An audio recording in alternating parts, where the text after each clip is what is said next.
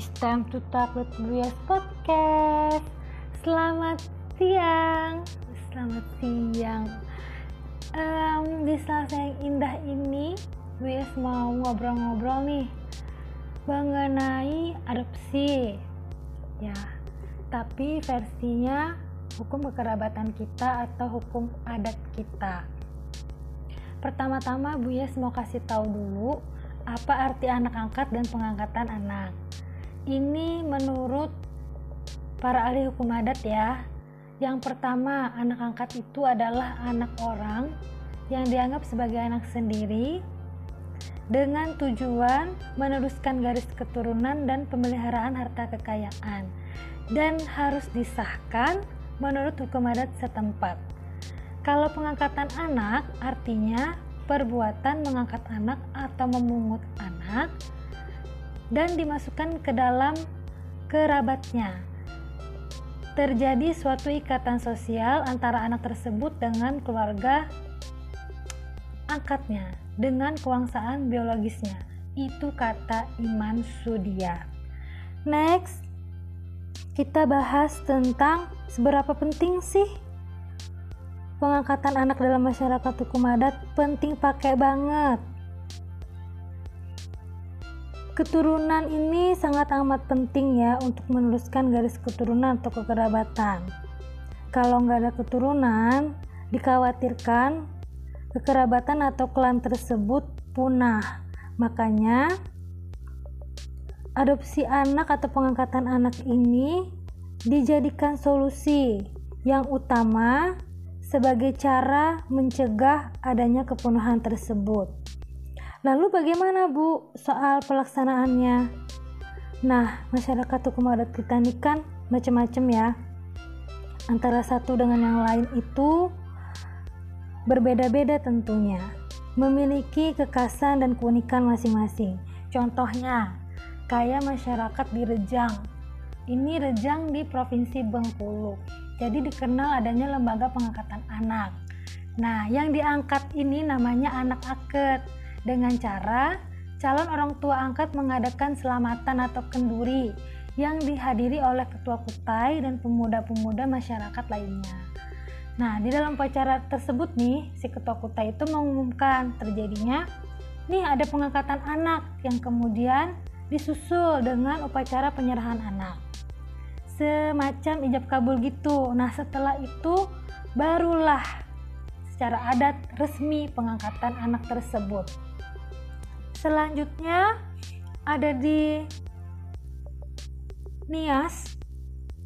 Ya sama di Lampung. Ini pertama-tama anak harus dilepaskan dari lingkungan orang tua kandungnya atau lingkungan lama. Dengan serentak diberi imbalan atau penggantinya yaitu berupa benda magis atau benda adat biasanya.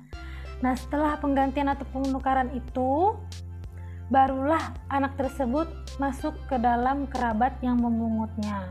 Namanya disebut dengan ambil anak. Nah, ambil anak ini adalah perbuatan tunai.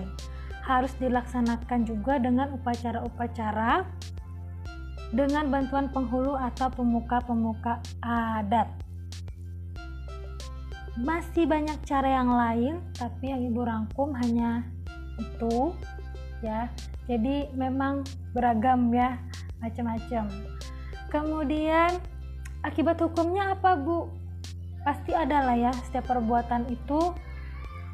Entah itu dihukum positif entah dihukum adat pasti ada akibat hukumnya. Dalam hukum adat ini memang terhar menyatakan bahwa anak angkat berhak atas warisan sebagai anak bukannya sebagai orang asing.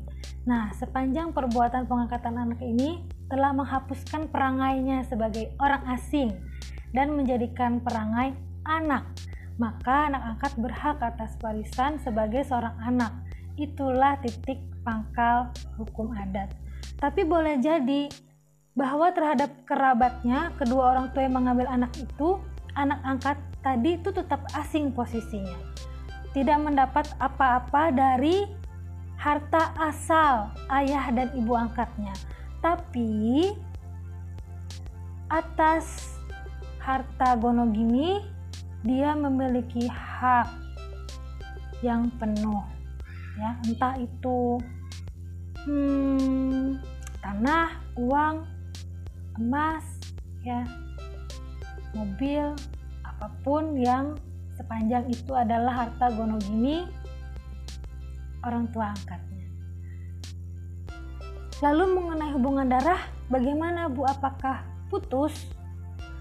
Ada yang iya, seperti di Lampung, ada yang tidak.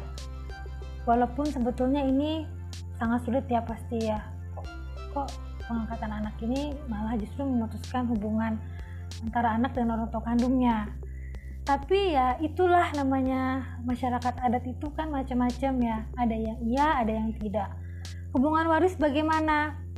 Nah ini kalau dalam hal waris anak tersebut tidak mendapatkan harta warisan lagi dari orang tua kandungnya tapi akan mendapatkan warisan dari orang tua angkat. Hubungan perwalian bagaimana bu? Ini otomatis terputus namun dalam pelaksanaannya ada sebuah catatan.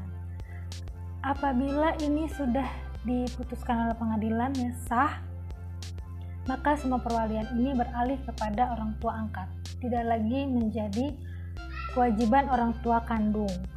Kemudian masalah marga atau gelar atau kedudukan adat bagaimana? anak angkat tersebut hanya mendapatkan marga, gelar, dan kedudukan adat dari orang tua angkat, tidak lagi dari orang tua kandung. Sepertinya hmm, itu aja mau yes, mau yes, itu mau bilang bu yes tadi astaga. Bu yes bahas hari ini. Selamat mendengarkan. Terima kasih dan sampai ketemu lagi di podcast selanjutnya. Bye.